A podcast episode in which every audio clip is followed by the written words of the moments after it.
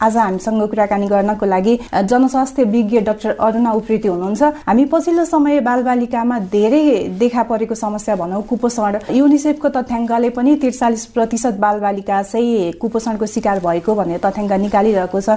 त्यस्तै अरू अनुसन्धानहरू हेर्दा पनि बालबालिका पछिल्लो समय कुपोषणको शिकार भएको भनेको छ। यसै विषयमा केन्द्रित रहेर आज हामी कुराकानी गर्दैछौँ। स्वागत छ यहाँलाई स्वास्थ्य सन्देशमा।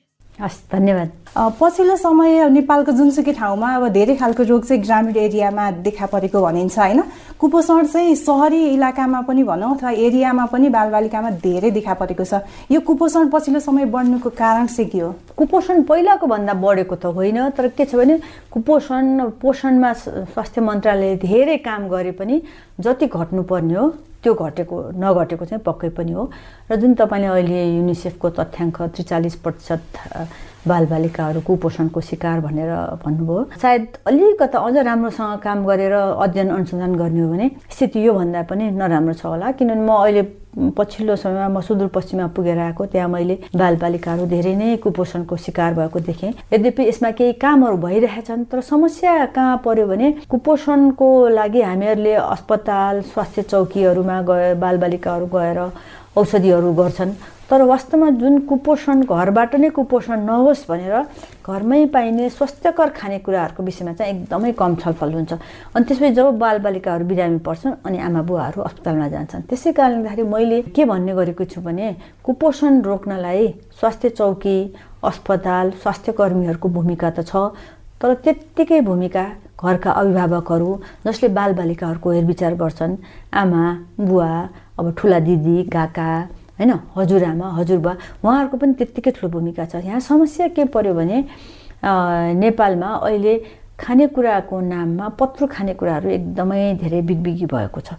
त्यसले गर्दा के हुन्छ भने सानैदेखि बच्चालाई छ महिना सात महिना आठ महिनादेखि बच्चाहरूलाई जब हामीहरूको पासनी सुरु हुन्छ पासनी भइसकेपछि अनि त्यो बेलादेखि नै यो पत्रु खाना खुवाउने चलन सुरु छ कि?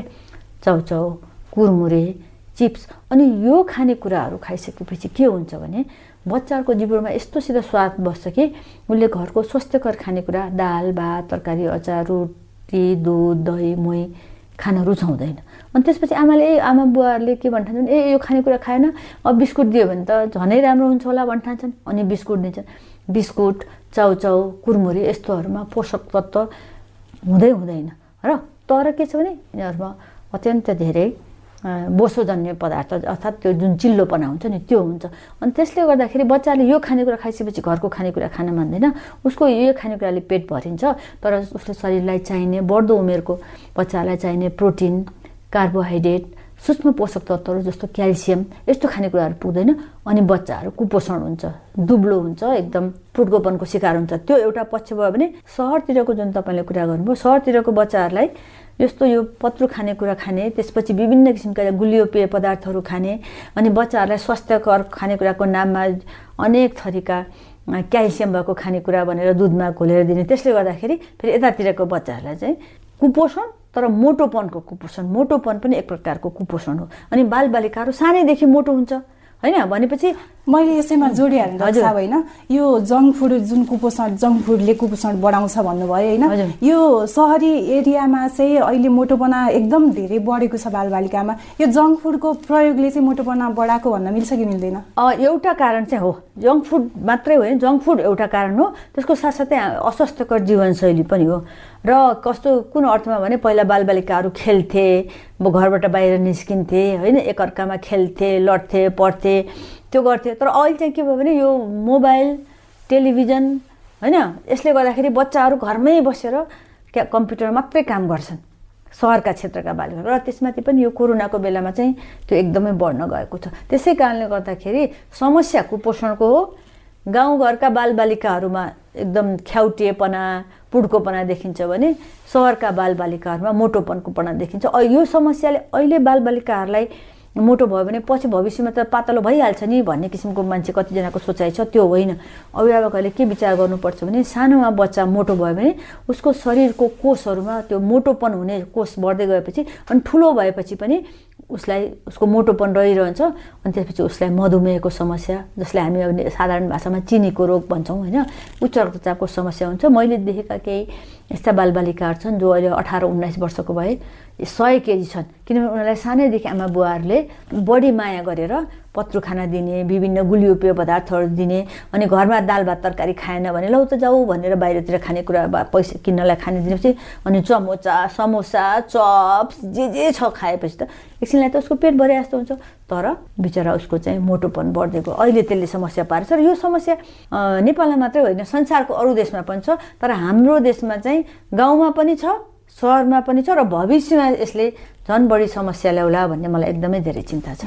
अब यसको लागि बालबालिकालाई अब पोषणयुक्त खाना खुवाउने सहरी इलाकामा भन्दा पनि ग्रामीण एरियालाई टार्गेट गरेर स्वास्थ्य मन्त्रालय लगायत सरकारी पक्षबाट पनि काम चाहिँ भइरहेछ ठुलो रूपमा धनराशि पनि खर्च भएको छ कुपोषण रोक्नको लागि। तर यो कार्यान्वयनमा चाहिँ हामीले त्यति प्रभावकारिता पाएको छैन। प्रभावकारी रूपमा चाहिँ यो लागू भएको छैन साहब। यसलाई चाहिँ एकदमै हो र त्यो चाहिँ स्वास्थ्य मन्त्रालयले मैले बारम्बार स्वास्थ्य मन्त्रालयमा पनि कुराकानी गरिरहेको छु भनिरहेको छु। तर उहाँहरू कुरा सुन्नुहुन्न स्वास्थ्य मन्त्रालयको मानिसहरू हरेकचोटि मन्त्री बदलिँदाखेरि मैले कुरा भन्छु। जस्तो उहाँहरूले बालबालिकाको कुपोषण रोक्नलाई त्यो बालबिटा भन्ने एउटा वस्तु दिनुहुन्छ विभिन्न किसिमका सूक्ष्म पोषक तत्व भएको होइन?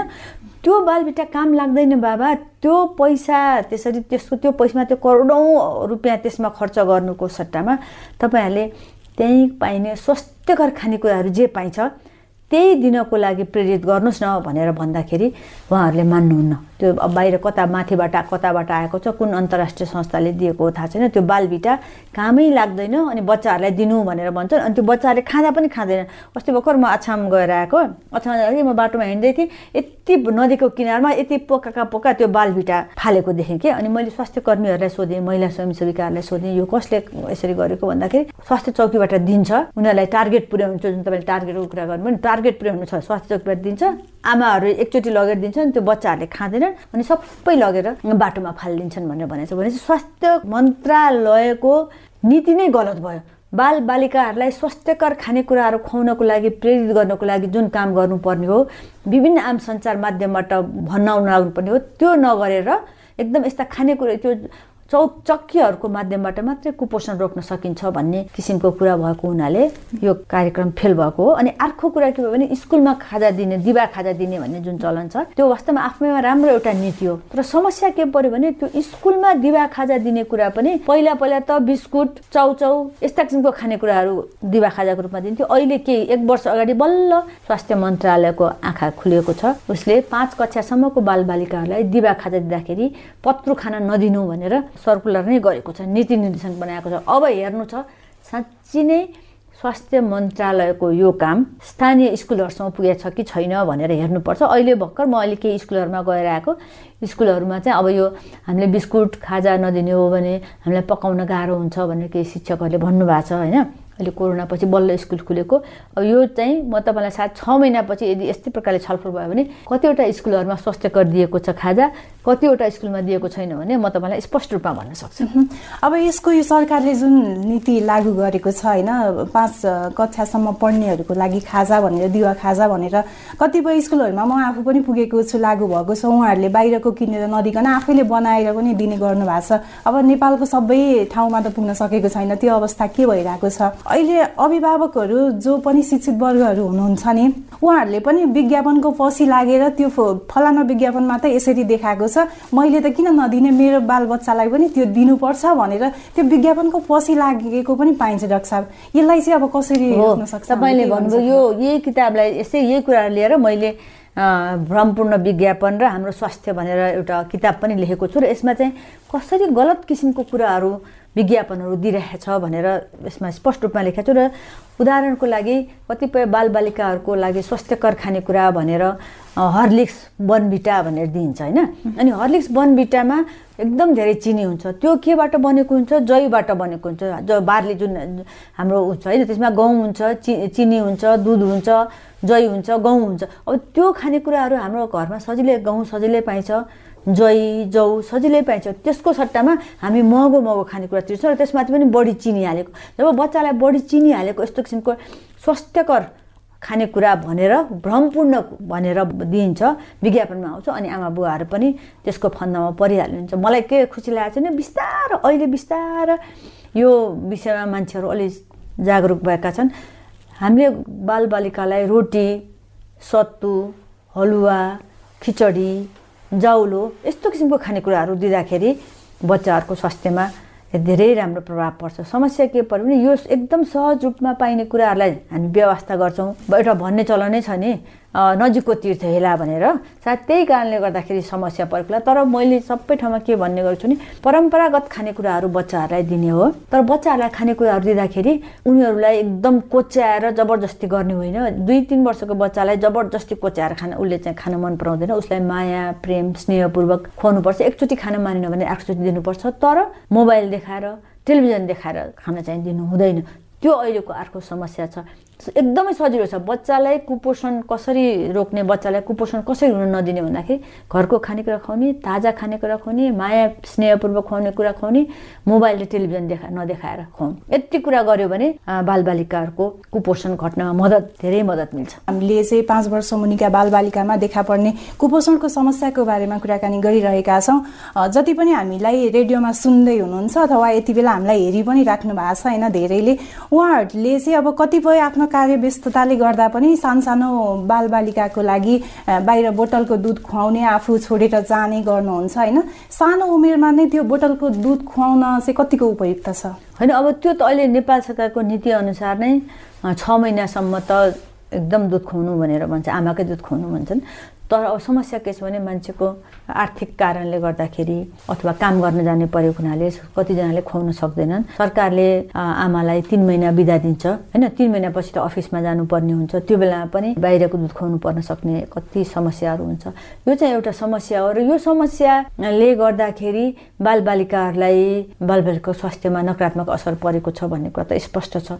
त्यसै कारणले गर्दाखेरि अहिले तिन महिनाको सट्टामा आमालाई सुत्केर बिदा छ महिना दिनुपर्छ कि भन्ने पनि आवाज पनि उठिरहेको छ।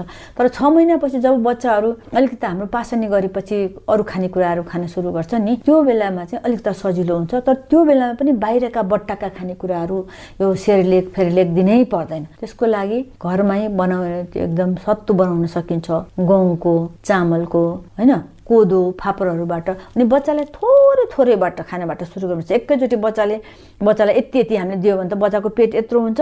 बच्चाले धेरै खान सक्दैन पचाउन सक्दैन। त्यसै कारणले थोरै थोरैबाट दिने बच्चालाई जौ जौ जौको जैको गहुँको सत्तु थोरै दिने आलु मुचेर दिने दालको झोल अलिकता हरियो तरकारी अलिकता फलफुल बिस्तारै बिस्तारै बिस्तारै यो खानेकुराहरू बढाउँदै जानुपर्छ होइन? मैले यसैमा जोडिहालेँ रक्षा होइन? अब थोरै खानाबाट सुरुवात गर्ने भन्नुभयो होइन? कुन उमेर समूहको बालबालिकालाई चाहिँ अब कतिदेखि खुवाउन सुरु गर्दा हुन्छ? कति महिनाबाट चाहिँ खाना खुलाउनु पर्छ हाम्रो यो परम्परागत चलन अनुसार कुनै जाति जनजातिमा पाँच महिनामा कुनै ठाउँमा चाहिँ छ महिनामा पासनी गर्ने चलन छ नि। अनि पासनी गरेपछि मुखमा अलिकता सुरुवातमा अलिकता खिर राखिदिने जुन चलन छ त्यो चाहिँ एउटा प्रतीक भयो।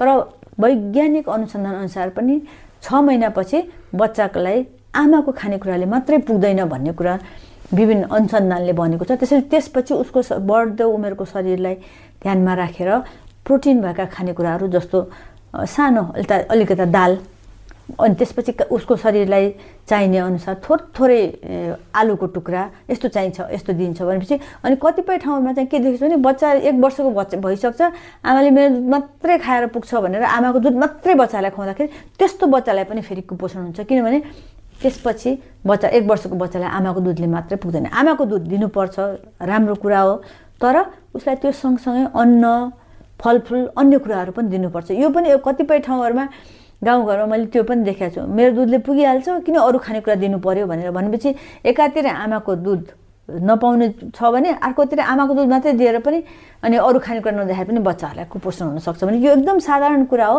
तर स्वास्थ्य कर्मी महिला स्वयंसेविकाहरूले यो कुराहरू समुदायमा राम्ररी बुझाउन सक्छन्। अब कतिपयको बालबालिका सानै पनि हुनुहुन्छ होला उहाँलाई झनै चासो हुन्छ यो विषयमा होइन? उहाँहरूले चाहिँ अब आफ्नो बालबालिकालाई आफ्नो बच्चालाई कुपोषण नहोस् भनेर चाहिँ के के कुरामा ध्यान दिने त सुरुवातमै? सबभन्दा पहिलो कुरा त आमाले सानो बच्चालाई अब कहिलेकाहीँ व्यवस्थापूर्वक छोडेर जानुपर्छ भने पनि दिउँसो छोडेर गए पनि बेलुका आमाको दुध खान दिनुपर्छ। अब आजकल त कतिजना आमाहरूले मलाई थाहा छ आफ्नो दुध निचोडेर राख्छन्। अनि त्यसपछि दिउँसोतिर उसलाई खुवाइदिन्छन्। त्यो पनि एउटा राम्रो चलन हो होइन?